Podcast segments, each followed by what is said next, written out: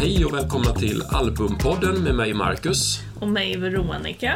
Och idag så är det ju Marcus som har valt ett album. Det stämmer bra. Ja, jag har valt ett album som var Eh, gruppens värsta flopp och det är ett album som heter Close to the Bone med gruppen Thompson Twins. Och det kom 1987 och det är gruppens eh, sjätte studioalbum. Och Thompson Twins var eh, då en duo. Tidigare, innan det var de ett band med tre och fler medlemmar.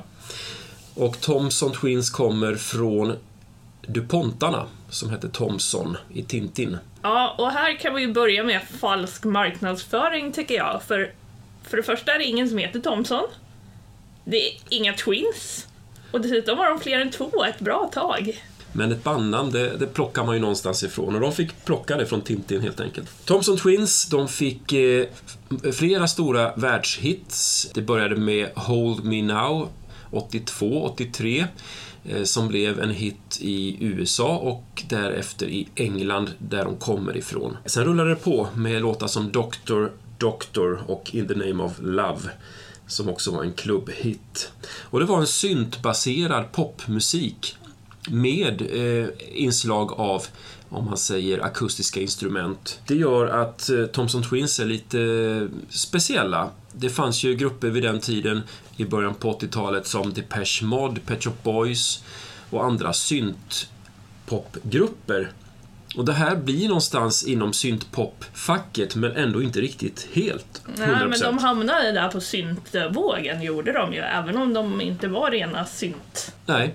men det är mycket syntar och de bestämde sig också för att eh, basera sin musik på syntar. Men jag skulle säga att Thompson Twins liknar mera Howard Jones musik. Howard Jones var en annan syntpoppare på 80-talet som även använde akustiska instrument som elbas och piano och ibland gitarrer och så och vidare. Och som kanske är lite mer känd än Thompson Twins.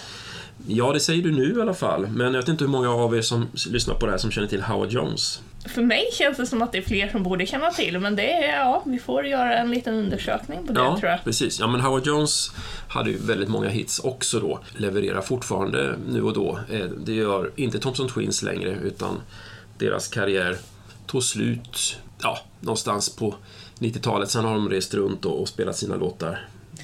Men jag tror att det kan vara en generationsfråga också, men när du slängde upp Thompson Twins och själva bandnamnet kände jag inte till. Sen när jag var inne och lyssnade på liksom deras mest kända låtar så vet jag att jag har hört dem. Oh. Mm. Ja, då känner man igen en men del låtar. Men inte namnet. Nej. Och jag har också valt då ett album eh, som blev deras floppalbum. Vi går ut högt i våran podd här. ja, men jag tycker att det här albumet ska tas på allvar och lyssna på det. För det, det är bra. Close to the bone. Det är då Tom Bailey och eh, hans respektive Alana Curry. De har blivit ett par när de har haft sina största framgångar i mitten av 80-talet och dessutom varit med på Live Aid där Madonna har gästat dem. Men efter det droppar den tredje medlemmen av Lee, eh, Joe Leeway och han var en viktig del av Thompson Twins sound i och med de här hittarna från 82 till 85. Tom Bailey och Alana Curry de drar sig tillbaka och känner väl att nu är det nog över. Och de sörjer också att Joe Leeway lämnar dem. De flyttar till Irland och eh, slår sig ner där, börjar fundera över livet. Det, det händer jättemycket kring, eller i deras liv just då. Tom Bailey, han återförenas med sina föräldrar. Som par så eh, dör deras eh, ofödda barn, blir av, kan man säga då, med, med det barn de hade väntat sig. Och Alana Currys mamma dör. Det här händer liksom samma år, 86. Det är mycket att gå igenom. Det är jättemycket att gå igenom. Och Tom Bailey, han, han är intresserad av existentiella frågor på ett djupare plan. Med, och han har liksom, det beskrivs att han har ett bibliotek av eh, böcker inom religion och existentialism och så vidare. Eh, Alana Curry, hon går in eh, och funderar över livets frågor på sitt sätt, så att de har lite olika. Men de, de börjar i alla fall att eh, fundera på vad, vad är livet för någonting och, och eh, vad händer här? Och så småningom så bestämmer de sig för att vi skriver nya låtar. Och det gör de och hela det albumet, Close to the Bone, andas då genom musik och inte minst texter vad de har gått igenom. Främst texterna, för att musiken är ändå i de flesta låtar ganska upbeat ändå. Tycker du att de flesta är upbeat? Nej, men de är inte låga. Alltså, Nej, det skiftar. ehm, det finns ju ett par. Ja. Men generellt så tycker jag, alltså skulle jag bara lyssna på musiken så skulle jag ju inte gissa att de som har skrivit det har gått igenom alla de här grejerna och funderar på existentiella frågor och sådana saker. Nej, då håller jag med dig. Då bör man gå in i texterna eh, lite mer och kolla vad det är för någonting. Men det är, hela albumet eh, genomsyras av sorgarbete och förening och eh, 87, 86, 87, vad händer i världen, kalla kriget och mm, det, det, det, det finns mycket kring liv och död i albumet. Sen håller jag med dig, musiken mm, kanske man inte känner igen på det sättet så, men däremot så börjar det, det, det är ju inga klubbhits på det här albumet. Nej, men det är ju inte så jag känner att när jag lyssnar på det så går jag därifrån och känner mig låg heller. Så att... Men där är ju frågan, är det som så att det här är ett album där man ska separera musiken och texterna? För ibland kan det ju vara som så att det är mer värt att bara läsa texterna utan musiken. Vi kommer in på låtarna strax här, men jag tycker att musiken hänger väl ihop. När man, när man förstår lite texterna så kan jag också häng, hänga, hänga ihop det med musiken bättre. Det finns en nerv, tycker jag, i musiken när man förstår innebörden av texterna. Första gången jag lyssnade på det här albumet, och det var 87, då, då brydde jag mig nog inte så mycket om texterna. Jag hade ingen aning om eh, vad de hade gått igenom eller någonting, så att då var bara texterna en melodi. Det var som ett instrument. Så att det är först på senare tid som jag har börjat förstå att aha, den här låten handlar ju om det här. Det handlar om när Joe Leeway lämnar gruppen. Eller det här handlar om en återförening eller när ett barn dör. För det som drog in dig från början är väl också det som du försökte sälja in det med till mig. Det var ett väldigt speciellt instrument. Ja, jag brukar halvt skämtsamt kalla Thompson Twins musik för marimba eller xylofonpop. Men det är ju för att Elena Curry spelar marimba och xylofon på eh, flera av spåren. Och vad är då marimba och xylofon? Ja, de flesta av er känner säkert till xylofon. Marimba är, mer, är metalliskt istället och har eh, fler oktaver och ändå inte i närheten av ett pianos alla oktaver. Men, och hon spelar båda de instrumenten och de finns med på flera av spåren. Och du hörde ju inte ens en gång det där instrumentet från början när du lyssnade. Alltså, det är väl lite vad man, ja, men vad man lyssnar efter och vad man liksom dras till. Efter jag hörde det och lyssnade mer noggrant så kunde det höras, men jag tyckte att det var mest tydligt på den första låten i albumet som är Follow your heart. Ja, och det kommer ju i, i första takten. Liksom. Det, Ja. det öppnar eh, hela albumet med... För mig är det... Eller det, det är ju ganska unikt att blanda in xylofon marimba i populärmusik och syntbaserad musik. Och, och, och det gillar jag jättemycket. Så att jag fångas ju av den där... Men de gör det på ett syntigt sätt liksom. Det hade lika gärna kunnat varit en synt som hade gett det ljudet faktiskt. Kanske. Fast jag hör, mm, jag hör ju att det är äkta. Jo, absolut, men alltså sättet de spelar på, som de blandar in det. Mm, absolut. Jag nämnde Howard Jones förut och Howard Jones använder akustiska instrument precis som Thompson Twins. Och det, man kallar ibland Thompson Twins musik för lite funky syntpop. Och det köper jag också, för en- det är återkommande i många spår att det finns lite mer rytm, lite mer av det funkiga i deras musik. Inte lika tydligt som på andra plattor med Thompson Twins kanske, men det finns där. Ehm, Det vill jag lägga till också. Det är viktigt. Jag, jag gillar funkmusik nämligen. Och när det svänger på det sättet, då, då går jag igång. Ja, men det är ju inga, det är ingen tung bas någonstans. Nej, så inte på tung så bas. sätt så kan man ju sakna det som kanske utmärker funken Ja. annars. Eh, eh, Precis, det, det, så kan man tänka. Och där, där har Howard Jones en, en akustisk ba- basist och det har inte Thompson Twins utan det är en programmerad basist. Så att eh, medlemmarna Tom och Alana de spelar instrument, akustiska instrument och de programmerar syntar. Och det är Tom som sjunger eh, led, och, eller lead och det är Alana som körar till. Men om vi ska prata om sången. Jag vet inte riktigt hur man ska formulera det, men Man kan säga att han sjunger fantastiskt bra. ja. Alltså, han har ju en väldigt personlig ton som utmärker sig, men han är också en sån här sångare som inte sjunger jag skulle inte vilja kalla det för falskt, men det är inte riktigt rent. Mm. Det har liksom lite hard edges och går lite utanför vad våra öron uppfattar som rena toner. Just det. Här skulle jag ju vilja säga då att det är det som ger en viss nerv i det. Absolut. Och, och, och där jag kan höra att oh, men här finns det ju en sorg, eller här finns det ju någonting som, som bränner, det, det skaver lite grann. Och hans röst, ja, man kan ju inte kalla det Håkan Hellströms röst. Nej, men det är ju lite åt det hållet att jag kan se att man skulle kunna störa dig lite på det. Jag tycker att det ger en viss alltså, personlig känsla så, men han är också en sån här sångare där du hör att hade inte han varit med och skrivit låtarna så hade han ju aldrig blivit liksom en soloartist på grund av sin röst. Mm, speciellt. Han har ju ett litet svaj på rösten som gör att det, det kan kännas som att det går lite utanför utan att det är falskt.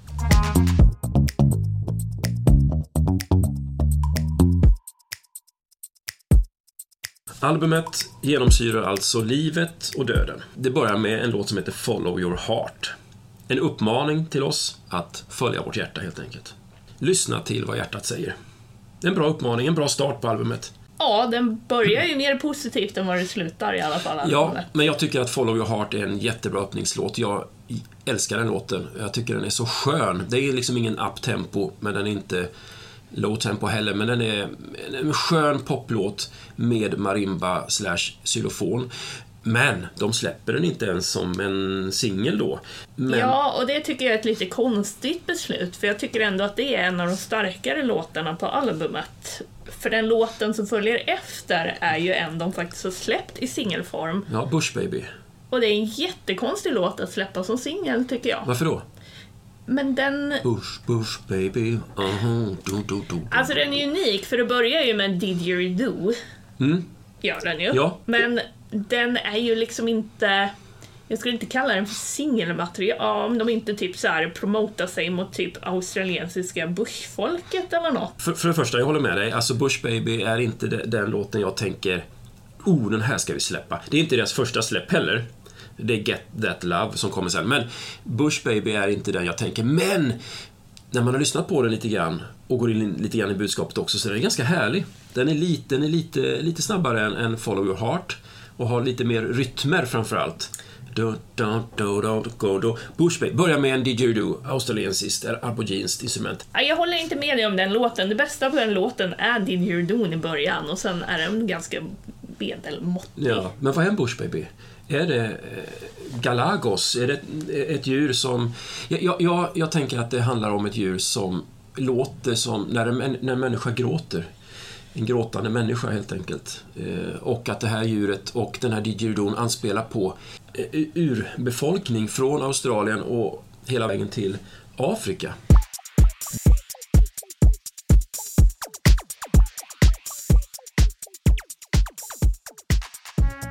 Get That Love, spår 3, det är deras första singelsläpp.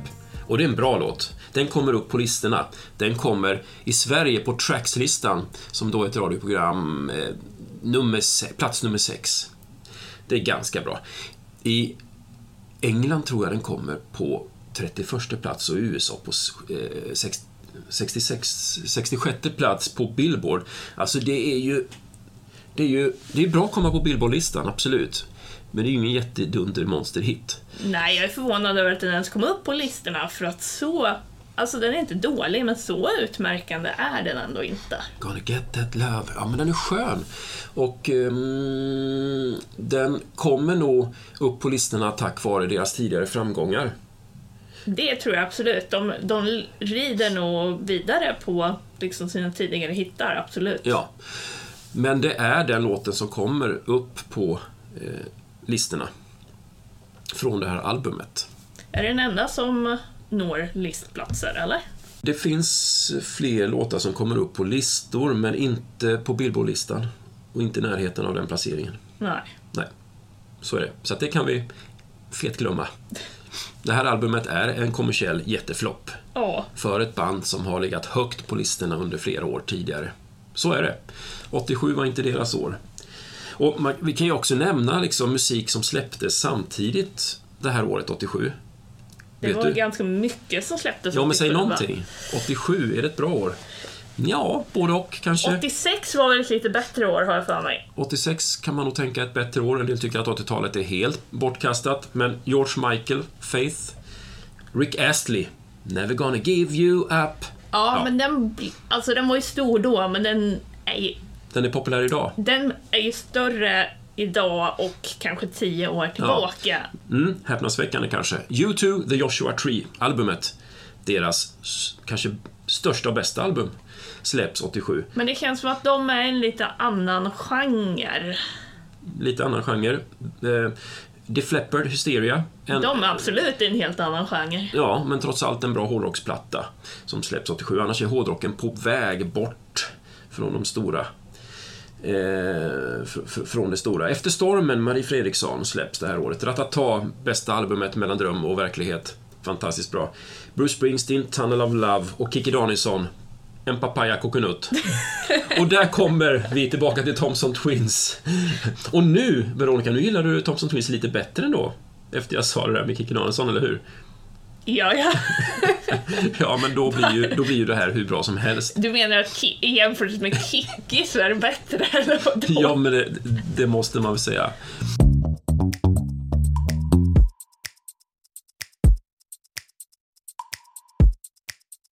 Det fjärde spåret på albumet heter 20th Century och den handlar om eh, den tiden de, de levde i då, eller vi levde i då, kalla krigstiden. Och den är intressant om man tycker om historia. Och det gör jag. Om man, och om man var uppväxt då tror jag, för att jag är ganska historieintresserad, men den kände jag ingen dragning till alls. Mm. Ja, jag, jag, jag känner den där nerven, jag fanns ju ändå då. Mm, jag tycker den är intressant och framförallt samtida. En låt som på något sätt beskriver sin samtid. Jag tycker det är bra. Vi kanske inte ska dra igenom varenda låt nu, men det finns ju två låtar till som jag vill nämna i alla fall. Det är Long Goodbye och det är Perfect Day. Två ballader. Och de handlar väldigt mycket om förlusten av ett barn. Long Goodbye skrev eh, Alana mestadels texten till. Eh, och det var en stor bearbetning. Jo, det är ju ganska mm, textmässigt, om man lyssnar på texten, så är det ju ganska tunga låtar. Vi ska ju också säga det att de lyckades ju få egna barn senare. De bearbetade sorgen, men de hade också eh, glädje som kom senare i livet. Men då, när det skrevs. Ja, och, men så att man inte lyssnar på den och känner liksom hjärtskärande känslor så kan det ändå vara skönt att veta. Att veta, ja. Men det här kanske är också en tröst och en bearbetning för andra i liknande Absolut. situation. Så det, det, det kanske ändå betyder något mer. Man brukar säga då, eller de beskriver själva sitt album och kritiker har dels sågat albumet men också lyft fram just det här med sårbarheten och äktheten, känslorna nära livet. Att det är närmare sanningen och råare än något av deras andra album. Positivt, negativt. Jag gillar det. Det är skillnad mot Dr. Doctor, Hold Me Now och de här hittarna som är mer danshits, klubbhits. Det här är närmare livet, det existentiella. Sätt dig ner och lyssna. Ja, utan att vara mörkt, det är ju det. Ja, det är inte för mörkt. Nej. Men det finns ändå en svärta.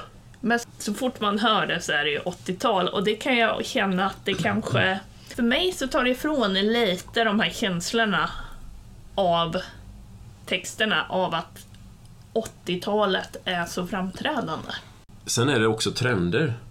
För 80-talet var väldigt inne i den nya musiken för ungefär 15 år sedan. Och nu är 90-talet väldigt trendigt i musiken.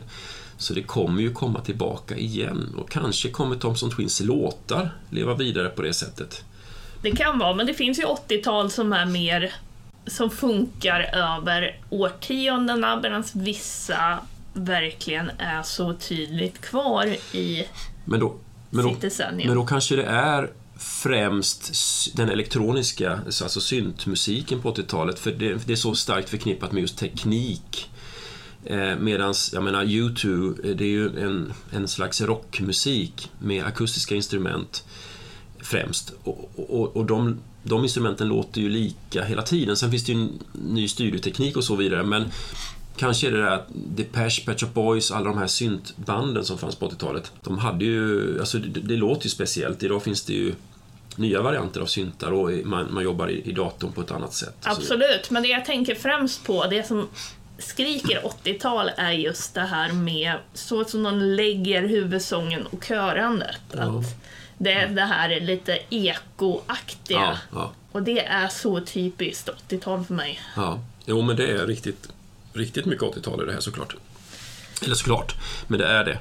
Gillar det eller inte, men lyssna på det. Ja, och här, att du gillar det, det är ju ganska tydligt. Ja, Jag skulle inte kalla det dåligt, absolut inte. Skulle jag kalla det liksom någonting jag fastnar för? Nej.